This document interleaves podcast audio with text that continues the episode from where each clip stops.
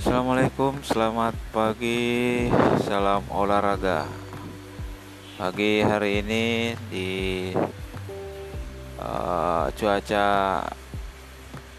mendung, hujan, ya bukan hanya mendung tapi hujan. Uh, galeri olahraga menyapa para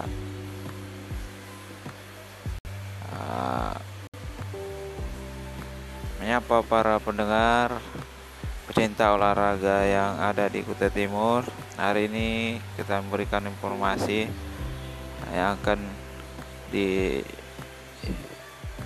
informasi ini mengenai tentang kewajiban cabur yang beberapa hari yang lalu disampaikan oleh Ketua KONI Herian Samasdar dalam bincang-bincang dengan pengurus KONI bahwa sesuai dengan aturan dalam ADRT bahwa setiap cabur harus melaporkan atau wajib melaporkan kegiatan kegiatannya secara berkala nah, agar eh, KONI bisa mengetahui sejauh mana perkembangan dan apa saja yang telah dilakukan oleh cabur.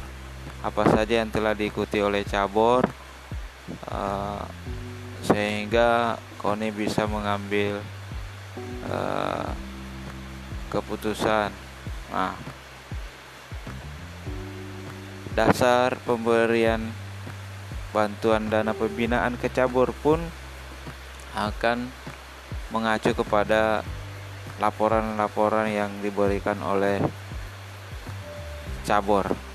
Ketika cabur tidak memberikan laporan secara berkala, maka tidak menutup kemungkinan bahwa cabur tersebut tidak akan mendapatkan uh, bantuan dana pembinaan dari KONI.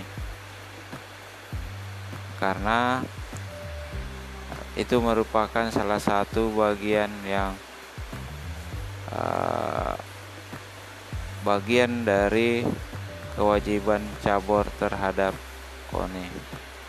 Jadi cabur tidak hanya uh,